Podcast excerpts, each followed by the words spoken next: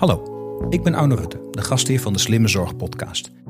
De aflevering met Ingmar de Gooier is opgenomen voor de coronacrisis. Dus je zult in deze aflevering geen enkele verwijzing naar corona horen.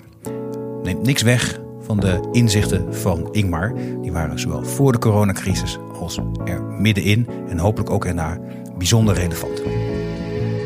Je luistert naar Slimme Zorg, een nieuwe podcastserie van Ventura. Speciaal voor beslissers, medewerkers en betrokkenen in de zorg. Mijn naam is Arno Rutte. In deze podcast spreek ik bestuurders, specialisten en patiënten over de uitdagingen in de zorg.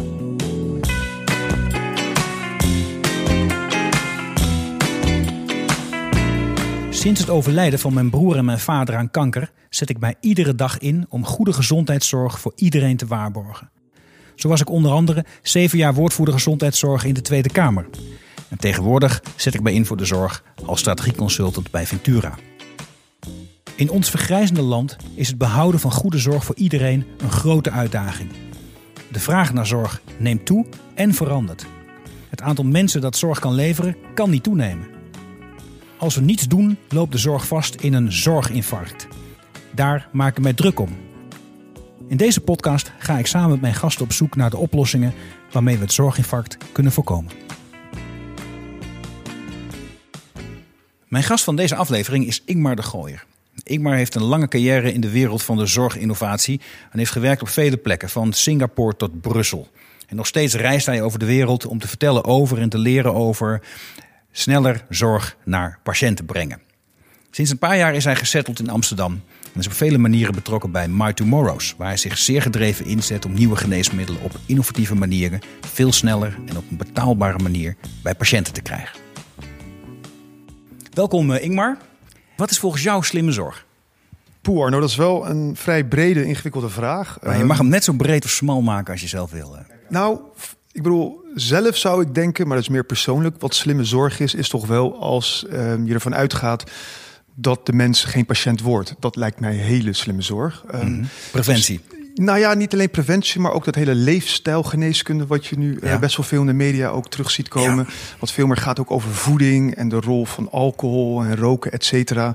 Uh, en dat met bewegen. Ik weet niet, dat lijkt mij um, dus meest slimme zorg. Um, ja. Maar om het een beetje dicht bij mezelf te houden, wat ik doe bij My Tomorrows, uh, ja. vind ik toch wel slimme zorg.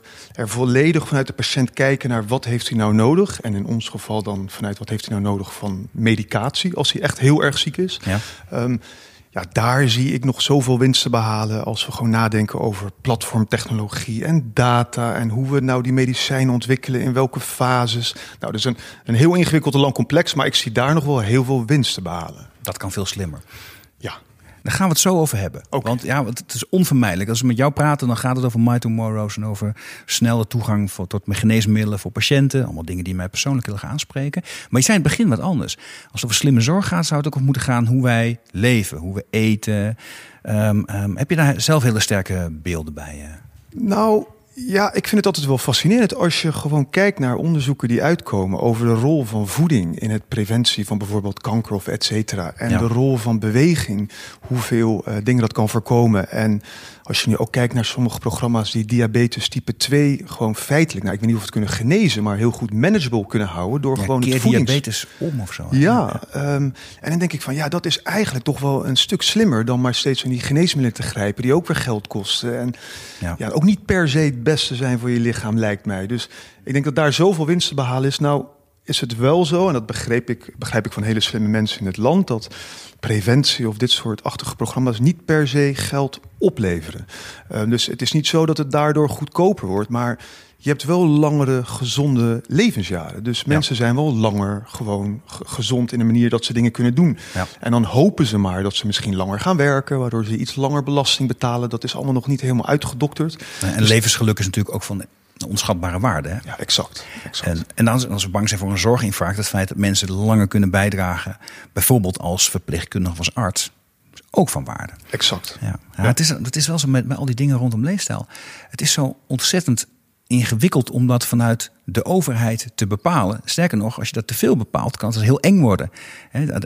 Iets van vrijheid van hoe je je leven leidt en wat je eet en wat je drinkt, is van enorme waarde. Maar wat je zou willen is natuurlijk mensen veel bewuster keuzes zouden maken. En op basis nog steeds zichzelf heel vrolijk voelen en zeggen ik eet lekker en ik vind bewegen leuk. En, en dat vraagstuk, hoe we daar wat mee doen, nou, ik vind het zeker iets voor een volgende podcast. Maar als je daar nu een briljant idee voor hebt. Nou, dat, niet. Maar ik hou zelf altijd van een beetje meer eerlijkheid in uh, de dingen mm vertellen hoe ze zijn. Bijvoorbeeld dat roken. Mhm. Iedereen maakt er dan een heel groot issue van. Maar volgens mij geeft het meeste onderzoek aan dat als je voor je veertigste stopt, mhm. dat die, dat, nou, weet je, de kans op longkanker en andere dingen toch nou, bijna nihil zijn. Ja. Uh, en dan denk je, ja, dat, dat mag je ook best vertellen. En die artsen zelf zijn kennelijk ook nog niet helemaal erover uit wat nou de rol van alcohol is. Ik bedoel, een cardioloog die kijkt naar het hart en die zegt het kan geen kwaad. Maar ja, er zijn ook artsen die naar andere dingen kijken en die hebben er weer een heel ander beeld over. Dus daar is ook nog geen eensgezindheid over. Dus als dat er niet eens is, dan kan je toch moeilijk verwachten dat mensen gewoon in de samenleving wel weten wat ze wel niet zouden moeten doen. Lijkt mij. Maar anyway, ik ben er ook geen expert in. Nee. Maar leef je zelf heel gezond, vind je dat, eh, Ingmar? Nou, Let je daarop? De, laatste twee maanden ehm, geen alcohol, geen andere toestanden zoals roken. Dus ik hoop dat ik dat een tijdje ga volhouden. Nou ja, het is, uh, het is indrukwekkend. ik geef het de Dry January heb ik ook uh, volbracht. Zeker. Ja, ja, dat is toch niet gek. Maar de februari ben je alweer lekker bezig. met mate, hè, met mate. met mate. Dat is al een stuk beter dan te veel. Hè? Dus dat, ja, dat is zeker waar. nobody's perfect. Het zijn allemaal uiteindelijk gewoon mensen. En dan maar keuzes maken blijft dan lastig inderdaad. Ook als je weet dat de ene keuze verstandig is dan de ander. Uh, ja, nee, dat blijft puzzelen.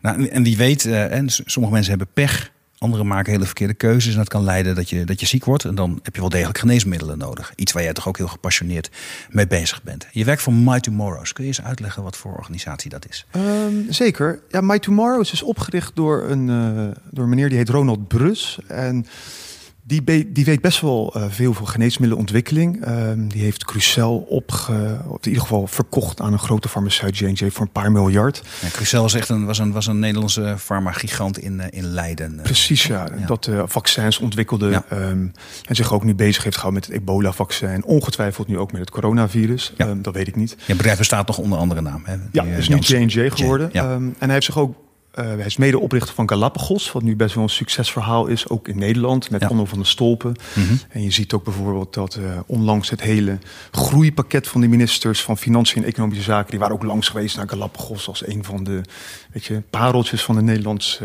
uh, biotech-industrie. Dus daar, daar, daar, weet hij heel veel van. Daar was hij ook zeg maar bij betrokken. En op een gegeven moment ehm, ja, had zijn vader zelf longkanker. En toen was hij op de hoogte gebracht door iemand van, uh, van een groot farmaceutisch bedrijf in de boord daar. En die zei van luister, we hebben een middel in onderzoek dat misschien best wel uh, goed zou kunnen werken bij jouw vader. Maar dat was een onderzoek, dus dat is best moeilijk om daar toegang tot te krijgen. Ja. Uh, dat heeft hij toen geprobeerd en dan kom je in een, ja, in een weerwar van regeltjes en wie gaat het dan betalen en hoe komt het daar dan, et cetera, et cetera. Nou, Uiteindelijk is het niet gelukt om het bij zijn vader te krijgen. We weten ook niet of het wel of niet aangeslagen was. Maar hij heeft toen wel zijn vader beloofd van dit klopt eigenlijk niet. En twee dingen kloppen niet. A, hoe kan het nou zijn dat ik wel weet dat er een medicijn in ontwikkeling is dat misschien mijn vader gaat redden. En waarom weten alle andere mensen met vaders met hetzelfde probleem dat niet?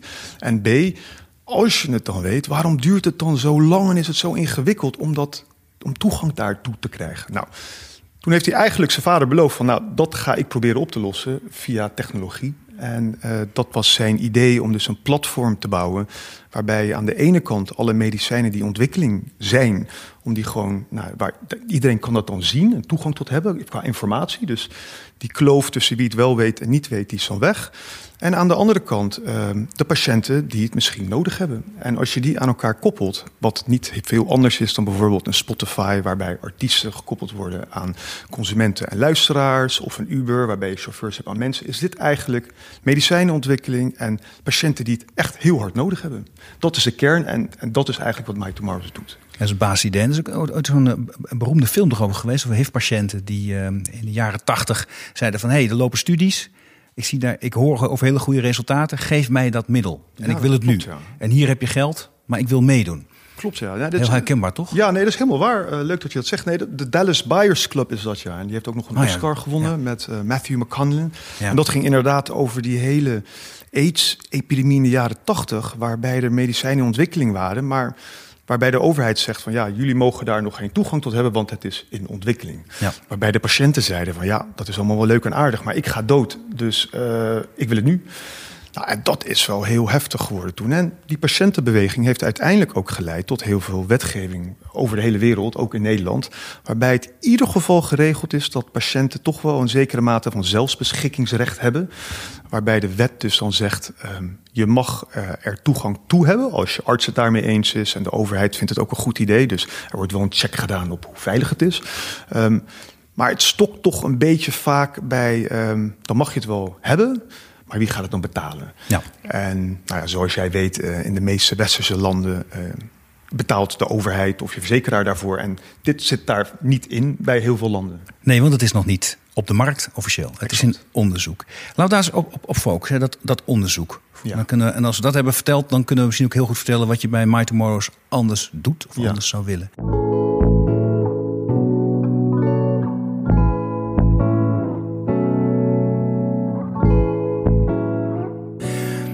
Mijn broer leeft helaas niet meer. Uh, overleden aan kanker. Heeft zelf wel aan twee van die medicijnonderzoeken mee kunnen doen. Okay. Uh, maar die werd geboren in 1969. Ja. En ik weet nog, mijn moeder haar leven lang bang is geweest dat hij de effecten zou hebben van het feit dat zij een toen berucht geneesmiddel had gebruikt. Dat heette Softenon. Ja. Dat is een slaapmiddel. Ja. En het Softenon-schandaal, eh, dat was het schandaal dat heel veel zwangere vrouwen en anderen destijds een slaapmiddel kregen waarvan iedereen dacht dat is veilig. Of in ieder geval. En achteraf bleek dat het heel slecht getest was en dat het vooral op ongeboren kinderen en die daarna wel geboren worden afschuwelijke verminkingen tot gevolg zou kunnen hebben. Ja. En ik heb zelf al het idee gehad sinds het soft non-schandaal dat alle regels heel strak zijn aangetrokken. Het gezegd, wij moeten zeker weten, nieuwe geneesmiddelen zijn in drie fasen door en door getest. We moeten absoluut zeker weten dat ze veilig zijn. Ja. Want anders willen we niet dat patiënten daaraan worden blootgesteld. Dus dat is en eigenlijk is dat voor slaapmiddelen ook wel logisch. Hè? Low impact disease zou je kunnen zeggen. Hè? Dat niet een hele grote impact op je leven. En, um, uh, en met misschien wel enorme gevolgen. Aan de andere kant heb ik een jaren als. Nou, ik heb bij mijn eigen broer gezien dat hij op de deur klopte en zei: Joh, ik heb, ik heb kanker, ik ga dood. Doe mij, doe mij die middelen, ook al is het nog in onderzoek. Ik wil dat. Ja. En dus het gaat om leven en dood, of er is niks anders. Dat patiënten dan zeggen: Ja, maar allemaal leuk en aardig dat het heel veilig is. Maar wat is, heb ik eraan een heel veilig middel als ik toch doodga? Ja. Zo hard is het soms. Ja. En, en in dat speelveld dat je zegt, ja, het moet veilig zijn. Maar patiënten staan ook op de deur te bonken. En als er voldoende aanwijzingen zijn, geef ze toegang. Daar, daar zit My Tomorrows, toch? Klopt, ja, precies. Daar zitten wij. Um, en het is ook een heel lastig ethisch vraagstuk. Hè? Want mm -hmm. wij praten natuurlijk heel veel met artsen. En uh, kijk, de arts moet ook de afweging maken samen met de patiënt. Is het het wel waard uh, om potentiële bijwerkingen dan te ervaren. Ja. Versus van kan je misschien nog een paar maanden in ja, iets betere gezondheid leven. Hè? Dus ja. die afweging moet altijd gemaakt worden. En die is ook heel moeilijk. Maar wij vinden wel, en dat zie je ook in Amerika nu, daar is een hele trend, dat heet dan de right to try beweging. Ja. Waarbij toch wel het gedachtegoed is van de patiënt en de mens is slim genoeg om samen met de arts die afweging te maken. Um, en vaak zie je toch dat de arts een beetje toch in de stoel van de patiënt en toch wel een beetje het vaderlijke of moederlijke figuur is van wij weten het beter en patiënt luister nou maar naar ons. En ja, dat, ik denk dat dat nou wel een beetje aan het echt kantelen is. Mm -hmm. um, dus we zitten op dat speelveld en wij geloven echt dat het recht uiteindelijk is bij de patiënt. Uh, wel samen met de arts, maar als het echt puntje bij paaltje komt, dan vinden wij dat de patiënt dat moet uh, mogen bepalen. Dus als nu uh, van het My Tomorrow's aan de touwtjes wordt getrokken in de wereld van de nieuwe geneesmiddelen. Ja. Ehm, wat zou er dan in Nederland anders gaan dan nu? Nou, um, kijk, op zich kan het nu ook al allemaal. Hè? Dus in Nederland mag je als patiënt gewoon met jouw arts, als je uh, terminaal ziek bent en er zijn geen alternatieven aanwezig, mag jij uh, gewoon een, een, medicijn krijgen dat in onderzoek is. Dus dan mag je als arts en patiënt samen doe je een verzoek bij de inspectie. Als die dat goedkeurt, dan kan je verzoek doen bij de fabrikant en dan kan jij vragen om dat uh, te krijgen. Ja. Dus, en als dat lukt, is er voor jou geen winst met, bij, bij het My Tomorrow's model? Nou, dat, maar dat, dat kan ook via My Tomorrow's nog steeds. Dus dat is okay. prima. Um, en dan kijkt de overheid altijd van... is er een clinical trial, een onderzoek nog nu gaande... waar je dan in zou kunnen gaan om dat middel te krijgen? Want dat hebben we natuurlijk het liefste. Een clinical trial is, dat is een onderzoeksetting met, met, met patiënten, echte patiënten... waar artsen zeggen samen met de fabrikant... we gaan, we gaan dit middel gaan we testen... En dan meestal de enige. Maar je weet niet zeker of je het middel krijgt dan. Hè? Dan krijg je het ofwel of je krijgt een placebo. Dat is het. Ja, er zijn heel veel verschillende soorten onderzoeksmethodes tegenwoordig. Maar inderdaad, je krijgt of het middel dat in onderzoek is. Mhm. Of je krijgt, dat heet dan het Standard Treatment of Care. Dus zeg maar het standaard behandelingsprotocol. Wat niet per se altijd placebo is, maar kan. Ja. Ehm, en uh, als die onderzoeken gaande zijn, is het natuurlijk het beste dat je gewoon daarin gaat. Want dan krijg je ook de data en dan is dat allemaal vrij fijn, ook voor de fabrikant. Ja. Maar wat je nou ziet is dat in 95% van de gevallen dat patiënten niet in zo'n onderzoek kunnen komen. En dat kan dan te maken hebben, het onderzoek is in Amerika en jij woont in Leiden. Of het is misschien dat jij 45 bent en de inclusiecriteria, zoals dat heet, van waar moet je aan voldoen om erin te komen, is je bent 45, maar je moet jonger dan 40 zijn, et cetera, et cetera. Ja, ja, ja. Er zijn heel veel redenen waarom je er niet in komt. En dan heb je early access, zoals dat heet. Uh, en, en, ja, en da daar focussen wij dan op. En dan gaan wij proberen te kijken van wil die fabrikant dat inderdaad dan leveren. Ja. Nou, grote fabrikanten zie je eigenlijk in toenemende mate die doen dit wel. Uh, nog mm niet zoveel als je zou hopen, maar die kunnen dat ook wel veroorloven, omdat ze groot zijn en best kapitaalkrachtig. Maar de kleinere fabrikanten, ja, die kunnen dat niet altijd zelf uit eigen zak betalen. Want sommige medicijnen zijn echt serieus heel erg duur om te produceren. Alleen al de productiekosten daarvan. En dat is heel jammer, um, want ja, dan kom je weer eens op dat vergoedingsdossier. Wie gaat dat dan betalen? Ja, en, en ja, want, want we hebben het nog steeds over potentiële geneesmiddelen. Ze zijn niet op de markt. Precies. Er zijn aanwijzingen dat ze zouden kunnen werken. Precies. Ze zijn nog in onderzoek. Ja. En op het moment dat de grote fabrikant zegt: ik stel het ook ter beschikking alvast aan andere patiënten. Mag niet altijd, maar onder zonder voorwaarden kan dat. Prima als het zelf betalen. Maar je ziet ook steeds vaker juist kleine biotechbedrijfjes met dit soort innovaties komen. En die hebben de, de zakken niet diep genoeg om zeg maar, dit al weg te kunnen geven voordat het op de markt is. En dan wordt het spannend. Precies. En, en dan, en dan, dan ben jij iemand die zegt: ik lobby ervoor dat, dat, dat patiënten die daar toch baat van zouden kunnen hebben, toegang krijgen tot deze middelen en dat overheden dan alvast een deel van de kosten betalen. Precies, en daar is natuurlijk wel de crux. En dat is wel interessant op zich, want als je dat nou op een slimme manier zou doen als overheid of verzekeraar, dan is het misschien wel mogelijk zelfs om A, die patiënten zo vroeg mogelijk te behandelen die het echt nodig hebben. En B, daar data uit te halen van patiënten die eigenlijk buiten die trial vallen, maar wel heel waardevol zijn qua data. En B, dat dan misschien die geneesmiddelenprijzen gaan dalen, wat nu best wel een heikel punt is in de politiek. En dat komt puur en alleen omdat er dan meer competitie gaat ontstaan. En om dat even heel simpel uit te leggen, als je nu kijkt... Je zegt als je, als je eerder betaalt, dan wordt het uiteindelijk goedkoper. Ja, nou, dat vinden we interessant. Dat klinkt als slimme zorgen. Daar wil ik meer van weten. Nee, precies. Het is, eigenlijk is het vrij simpel. Als je kijkt nu van alle onderzoeken die gaande zijn... is meer dan 70% wordt gedaan door bedrijven die een omzet hebben van minder dan 1 miljard. Dat klinkt als een heleboel geld, maar in de farmawereld zijn dat eigenlijk de hele kleine spelertjes. Ja. Um, maar als je dan kijkt van al dat onderzoek dat gaande is... Wie heeft nou eigenlijk de marktmacht? Dus hoeveel bedrijven zijn er nou in de wereld die die medicijnen echt dan verkopen aan patiënten? Dan zie je dat de grootste 10 biotechbedrijven meer dan 70% marktaandeel hebben. Mhm. Dus wat je dan ziet is, hè, er zijn heel veel kleine bedrijven met onderzoek, maar heel weinig bedrijven die het uiteindelijk op de markt brengen. Nou, daar vinden wij, kan je wat aan doen. Want mhm. ja, die tien grote spelers die op de markt zijn, die zijn niet echt met elkaar aan het concurreren. Dus die prijzen gaan ook niet omlaag.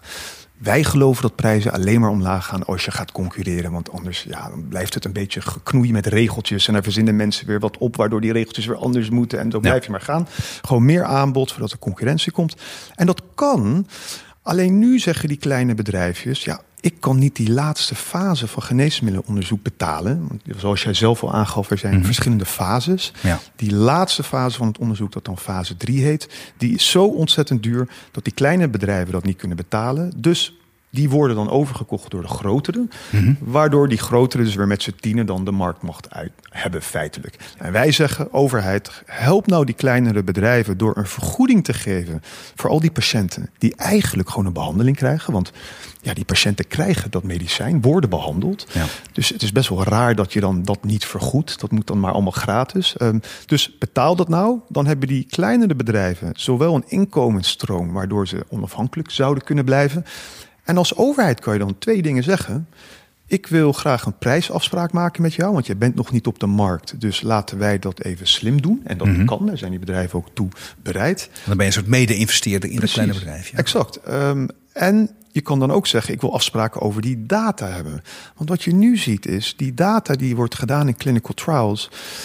die hoeft niet allemaal per se helemaal publiekelijk gemaakt te worden. En het is ook altijd maar de vraag hoe... Het wordt er gepubliceerd uiteindelijk. Het wordt allemaal wel gepubliceerd en ik bedoel, theoretisch en op papier klopt het allemaal. Ehm, maar we zien nu in toenemende mate, en niet alleen wij, maar ook de baas van eh, het Europese Medicijnsagentschap dat naar Nederland komt, de Ja, EMA. ja. Zelfs de baas daarvan, meneer Guido Razi, heeft in een stuk geschreven: we moeten meer data hebben dan dat traditionele fase 1, 2, 3 onderzoek. En waarom zegt hij dat? Omdat we gewoon zien dat de helft van de eh, middelen voor kanker bijvoorbeeld eigenlijk niks doen voor patiënten. Ze, worden, ze leven er niet langer door en ze hebben ook geen betere kwaliteit van leven. Maar dat zijn wel middelen die gewoon op de markt zijn, waar Ja. de verzekeraars gewoon vergoeden. En 50% is wel heel erg veel, vind ik. Ehm, dus er is echt Je zou kunnen zeggen dat het is ook concurrentie. Op zich voor de prijzen misschien nog goed. eh, dat, dat de helft niet werkt. Eh, nee, niet werken is heel, heel erg. Maar dat als het even goed is, maar goedkoper dan de standard of care op dat moment, zou dat qua prijsvorming dan nog. Ja, nee, zeker. Kunnen. Ik bedoel, wij zeggen gewoon, er moeten gewoon meerdere medicijnen die ongeveer hetzelfde doen. Dat lijkt mij een goed idee. Ja. Ik bedoel, heel veel mensen zeggen van ja, dat zijn me-too's en dat is een slecht idee. Maar Mm. als je die niet hebt, hoe gaat de prijs dan überhaupt omlaag? Ja. Ehm, dus dat maar je hebt hier voor middelen waar echt helemaal geen toegevoegde waarde aan zit. Of, of nauwelijks. Ja, precies. En maar, maar wel de bijwerkingen hebben. Ehm, en we echt wel hele forse prijskaartjes hebben. Ja. En dan zeggen wij, pak dan ook die data mee van buiten die klinische groep. Feitelijk wat My Tomorrows doet. Dus Mhm. die patiënten die niet in zo'n trial komen, wel het medicijn krijgen. Pak nou de data daarvan en deel dat openlijk met de hele wereld. Sterker nog, als de overheid van Nederland zou zeggen wij gaan ervoor betalen, vinden wij dat zij de eigenaar van die data zijn. En dan kunnen zij zelf bepalen wat ze daarmee doen.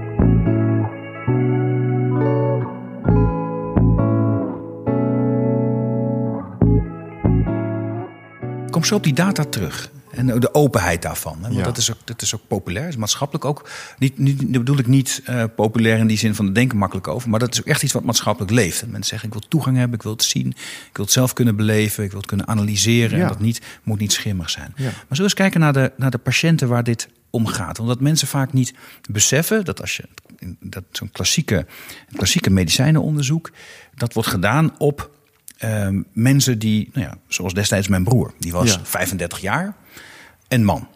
En had voor de rest geen andere aandoeningen. Ja. Dat is de ideale, dat is de ideale trial-patiënt, zegt ze dan. Die is niet comorbide, heeft geen andere aandoeningen, menstrueert niet. Eh, dus je kunt heel sec wetenschappelijk kijken wat een middel in zo'n patiënt doet. Ja. Dus dat is in die zin wetenschappelijk heel interessant. Maar dan de echte praktijk. Ja. Ik kan me nog herinneren dat ik als Tweede Kamerlid op werkbezoek was bij het UMC in Utrecht. Sprak met een professor op het gebied van darmkanker. En die stelde mij de gewetensvraag: Arno, hoe oud denk jij dat mijn gemiddelde patiënt is? En toen ging ik even rekenen. Mijn broer overleed aan kanker toen hij 36 was. Mijn vader overleed aan kanker toen hij 66 was. Ik denk, het zal er wel tussenin zitten.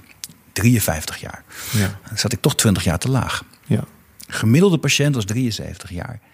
En als de gemiddelde patiënt 73 jaar is, zijn heel veel patiënten heel veel ouder. Ja. Sowieso is de helft vrouw.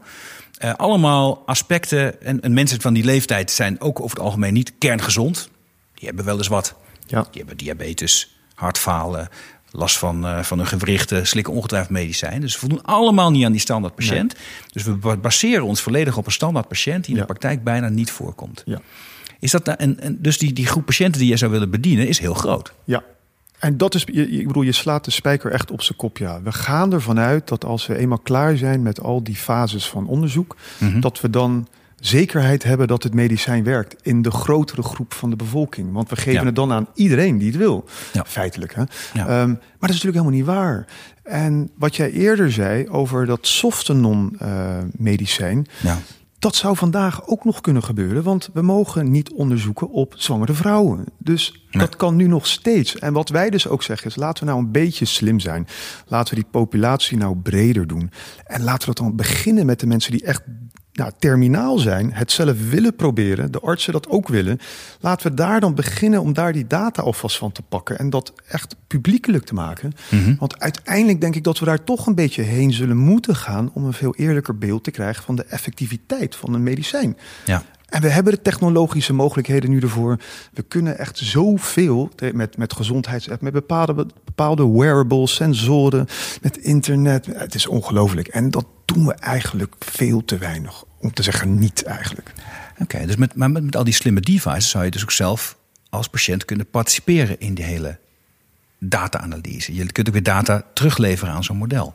Dat je zegt, Zeker. ja, ik heb allemaal, allemaal data uit mijn... Ik, ik heb een smartwatch en die meet mijn, mijn hartslag. Ik, ik weeg mij nog een keer, die weegt mijn bloeddruk uh, desnoods. En dat geef ik allemaal terug zo kunnen we veel meer en veel meer verrijkte data krijgen over wat een geneesmiddel met mij doet dan op dit moment het geval is. Zeker, dat is zeker waar. Kijk, wij hebben natuurlijk wel over terminale patiënten. Dus dat zijn ook mensen met hele ernstige vormen van kanker of in een vergevormd ja, stadium. Dus dan moet je ook echt wel bloedonderzoek hebben. Maar mhm. je, wij mogen alleen maar dit soort medicijnen leveren uh, in een cohort setting. Dus met meerdere mensen. Als ze gewoon in de normale standard of care beweging zouden zijn. Dat betekent dus mhm. dat zo'n patiënt nog steeds gewoon zijn bloed mag worden opgenomen. Maar ze mogen niet extra dingen doen.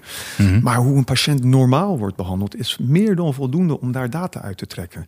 Oké, dus je hebt al die extra's niet eens nodig. Dat is, maar... dat is wel heel goed om te doen, hè? want ja, dat geeft weer extra data. Dus het lijkt me heel verstandig, want dat geeft heus wel bepaalde inzichten, vooral over moeheid. Hè? Mhm. Want de quality of life van een kankerpatiënt, ja. Uh, ja, dat heeft ook echt te maken. Ben je energie? Kan je nog je eten binnenhouden? Heb je trek? Kan je nog, nou, weet ik veel, bij wijze van spreken, de liefdebedrijf? Dat soort dingen zijn natuurlijk hartstikke belangrijk. Dat is allemaal niet klinisch. Nee, dat is allemaal niet klinisch. En dat kan je echt wel uh, eh, dingen, data uithalen van wearables. Ja, ja, precies.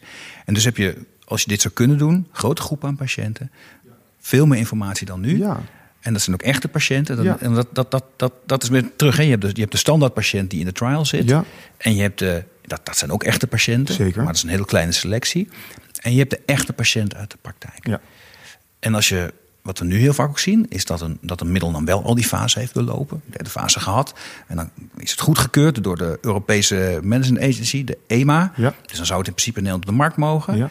Maar dan gaat de vraag over, gaan we het vergoeden? En dan komt het Zorginstituut en die kijkt dan naar de dossiers. Ja. En wat zeggen ze dan vaak? Nou, geen idee wat het in de praktijk doet. Ja. Oké. En dan, en, en, en dan gaan we alsnog een datamodel opzetten. En dan gaan we eerst maar voorlopig toelaten. En dan gaan we op echte patiënten. Maar dan moeten we al wel betalen, wel de volle prijs. Gaan we kijken van doet het nou wel, wat doet het nou niet wat. Waardoor er in de praktijk heel veel vertraging zit, ook om de middelen naar de praktijk te dingen. Zouden jouw datamodellen kunnen helpen om dat vraagstuk? Dat je zegt, als we we naar de markt zijn, dan weten we ook echt voor welke patiënt dit middel het juiste is. Kun je, zou dat helpen? Ja, ik denk dat dit ook het model van de toekomst is. En ik zeg niet dat My Tomorrow's uh, degene is die dan dat hele, dat die hele verandering gaat teweegbrengen. Maar je ziet bij de FDA in Amerika, en die lopen echt wat voor op Europa. Die hebben daar hele programma's al opgezet om die real-world data, zoals dat heet. Dus de data bij echte patiënten in de echte wereld, om dat te stimuleren. En ook om dat mee te nemen in hun besluiten van wel of niet goedkeuring. Dus je ziet in toenemende mate dat dit soort data echt ontzettend gewaardeerd wordt. En ook belangrijker wordt voor je nou, toelating tot de markt. Dat is dan de EMA, zoals je zei, of de Amerikaanse autoriteit. Maar ook voor het vergoedingsdossier zelf. Zoals je zei, het Zorginstituut en de verzekeraars. Mhm. Dus we gaan hierheen. Uh, de vraag is gewoon hoe snel en wie gaat dat doen. Oké. Want als het zo overduidelijk is dat het deze kant op gaat, waarom gaat het dan zo moeilijk en zo traag? Nou ja, of gaat het niet moeilijk en traag, ben ik te negatief? En dan ga je mij nu overtuigen dat het anders is. Nou, ik zou je heel graag willen overtuigen. Want ik denk inderdaad dat het heel erg moeilijk en nog steeds traag gaat. En ik denk dat dat met heel veel dingen te maken heeft. Mhm. Ehm, dat is niet één speler per se. Ik denk dat artsen het uh, ook niet per se gewend zijn. Die zijn natuurlijk ook gewend van randomized clinical trials. Dat hele ingewikkelde laatste fase ding. Ja. Ik denk ook dat uh, farmaceuten zelf uh, dit erg prettig vinden. Met name de grotere farmaceuten. Want, het huidige systeem bedoel je? Ja, want je moet je mhm. natuurlijk wel realiseren... Die, die, als je een grote speler bent, en ik ben helemaal niet anti-big pharma, want ik, bedoel, ik begrijp, er zijn gewoon bedrijven die ook hun best doen. Maar als jij de markt uh, nu beheerst, dan heb je toch helemaal geen zin dat kleinere spelers ook op die markt kunnen komen, zonder dat jij daar eerst een soort gatekeeper voor bent. Dus die zitten niet per se van laten we dat eens even heel snel gaan doen. En als ik heel eerlijk ben, als je naar de ziekenhuizen kijkt, ik, ik ben ook weer niet anti-academische ziekenhuizen, want die doen hartstikke mooie dingen. Maar die krijgen best veel geld voor elke patiënt die ze in een clinical trial mogen plaatsen. Die krijgen daar soms wel een ton per patiënt voor. Ja, in ons systeem zou je daar veel minder van nodig hebben. Dus die inkomensstromen voor de ziekenhuizen zelf gaat dan veranderen. Er gaat zoveel veranderen. En ja, je weet dat verandering is nou niet iets waar de mens altijd om staat te springen in zijn algemeenheid. nou ja, ten, tenzij het ten goede is. Maar zoals in gezondheidszorg altijd zo is, er komen heel veel belangen bij elkaar die allemaal gerechtvaardigd zijn, maar die niet altijd. Nou ja, als je, als je vooruit wil komen, dan schuurt het over het algemeen even. En wie neemt dan de pijn? Want diezelfde arts die in, die academische setting denkt, blij is met de clinical trial, zou tegelijkertijd ook wel heel graag andere patiënten die die nu niet kan helpen, wel degelijk iets willen kunnen geven. Hè. Dus daar zit best een incentive. ook die grote farmaceutische bedrijven worstelen toch ook wel met het vraagstuk dat ondanks ook als ze wel dan eindelijk op de markt zijn, dan weer in zo'n heel traject komen met voorlopige voor toelating en dan weer gedoe en dan misschien toch geen toelating, noem maar op. Heel veel vertraging en dat, dat tast ook het verdienmodel aan. Dus er zitten ook alweer kansen, maar het is kennelijk heel moeilijk om die bestaande patronen te doorbreken om het voor elkaar te krijgen. Ja, en je moet het ook zo zien. Die grotere bedrijven hebben natuurlijk gewoon een berekening gemaakt welke prijs ze vragen. Dus hoe mhm. langer het duurt. Mhm. In Nederland las ik toevallig vandaag weer een stuk in de krant over dat het uh, heel lang duurt qua sluis. Hè. Dat heet dan een periode dat een duur medicijn nog niet op de markt mag komen. Nee, wordt er onderhandeld over de prijs. Precies. Ja. Nou, dat duurt dan ongeveer een jaar, laten we zeggen. Ja, dat heeft de fabrikant gewoon meegerekend in zijn prijs. Want voordat hij dan geld terug kan verdienen op zijn investeringen, ja, dat kost ook allemaal geld. Dus die prijzen worden alleen maar duurder hierdoor. Dus dit lost niet echt wat op qua prijszetting. En patiënten moeten langer wachten. Dus het is eigenlijk een heel ouderwets denkend model wat we nu hebben.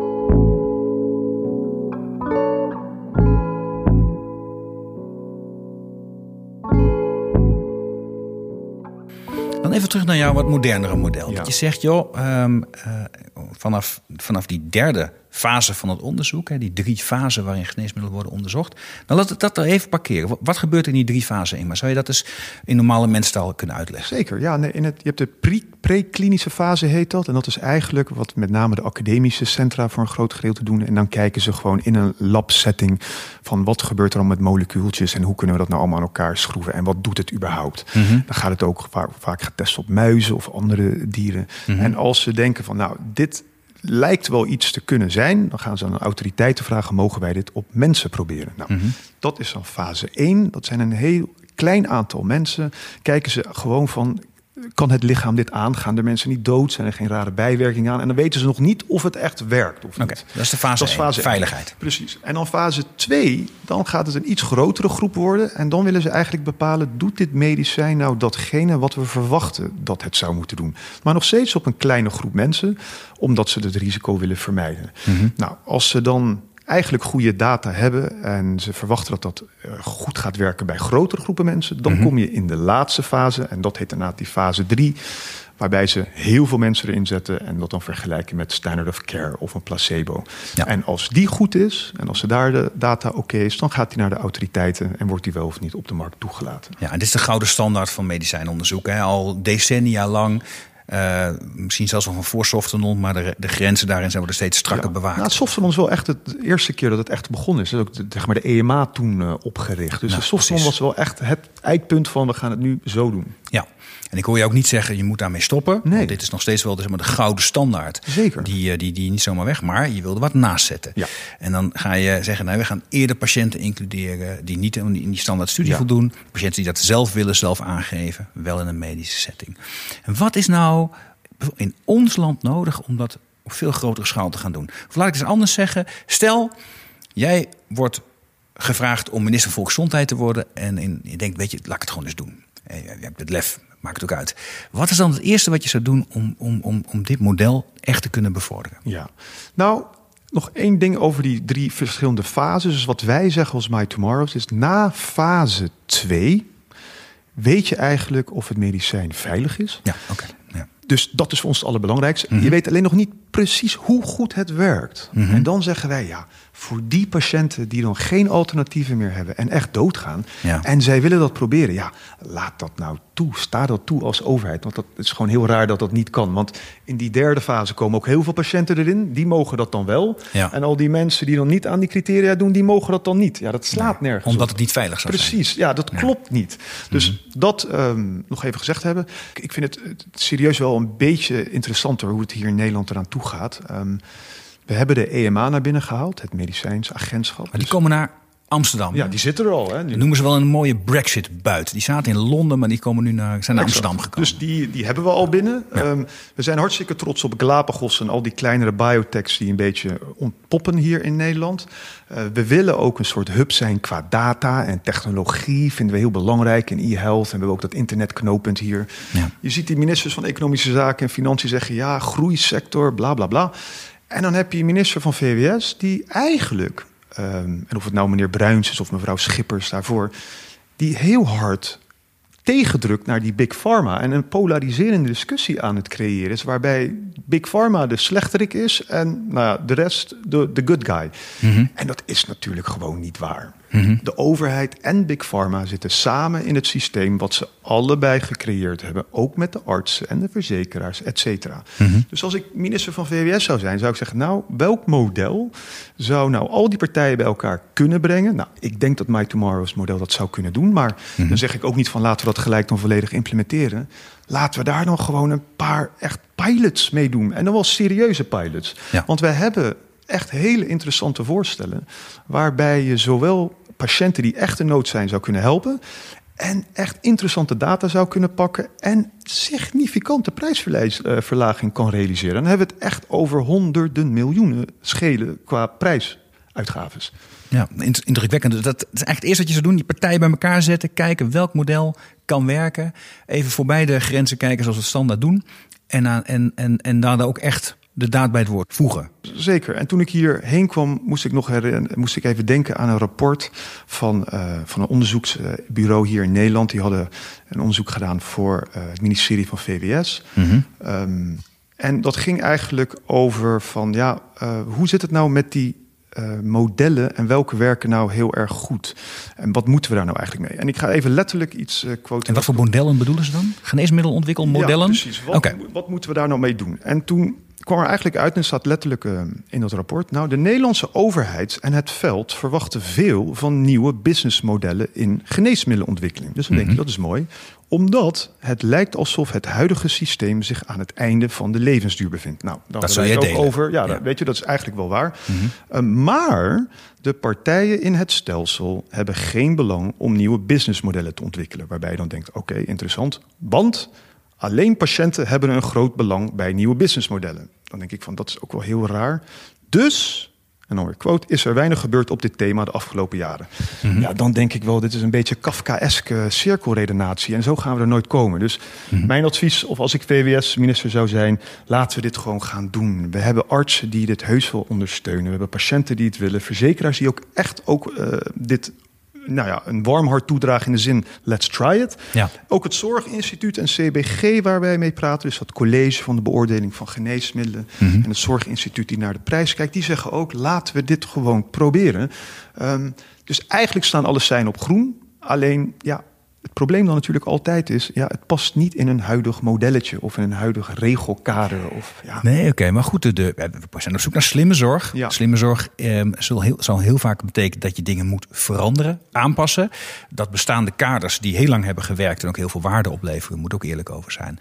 Misschien wel eens een aanpassing behoeven. Als het jou ligt, gaan we dat op het gebied van geneesmiddelen zeker doen. Ja, want het kan gewoon. Hè. Dus we hebben concreet eh, gentherapieën die er aankomen. Het zijn dus echt hele complexe therapieën die echt dan zeg maar op het genetische profiel van een patiënt iets veranderen, waardoor ze dan wel genezen of echt een heel stuk vooruit gaan. Die dingen kosten heel veel geld. De laatste kost 2 miljoen. Daar is ook heel veel heize aan de Nederlandse Ja. media over geweest. Ja, zijn wel andere middelen dan een middel wat je elke dag moet slikken. In principe is dat een eenmalige therapie. En het, en het belofte is dan dat je iemand in principe zou moeten kunnen genezen daarmee. Ja, en de vraag is hoe lang ben je genezen? Dat is gewoon een beetje onduidelijk. Maar heel veelbelovend. Kost dan 2 miljoen per patiënt. Het laatste middel dat goedgekeurd is hier in Ja. Nederland. wij hadden ook gewoon een voorstel waarbij ook een gentherapie voor een hele kwetsbare groep waar geen alternatieven waren. Waarbij we zeiden van laten we nou gewoon een aantal patiënten doen. Data is van jouw overheid. En we geven jou een korting op die 2 miljoen echt significant. Ja. Sterker nog, we zeggen ook als het dan goedgekeurd wordt, dan blijft die prijs staan. Ja. Ja, en dat, dat, dat vind ik dan toch raar dat we dat niet met z'n allen gewoon willen en gaan proberen. Ja, ja, dus niet willen of, of, of onvoldoende willen of te, niet voldoende druk achter zetten. Ja, en ook bang voor de toekomst. Hè? Want misschien als we dit dan ja tegen zeggen, wat gebeurt er dan? Komen er dan meer? En hoe gaat het dan uitwerken? Ja, dat is allemaal wel een beetje vanuit angst redeneren. En ik ben toch wel iets meer vanuit de positiviteit en mogelijkheden denken. Oké, ja.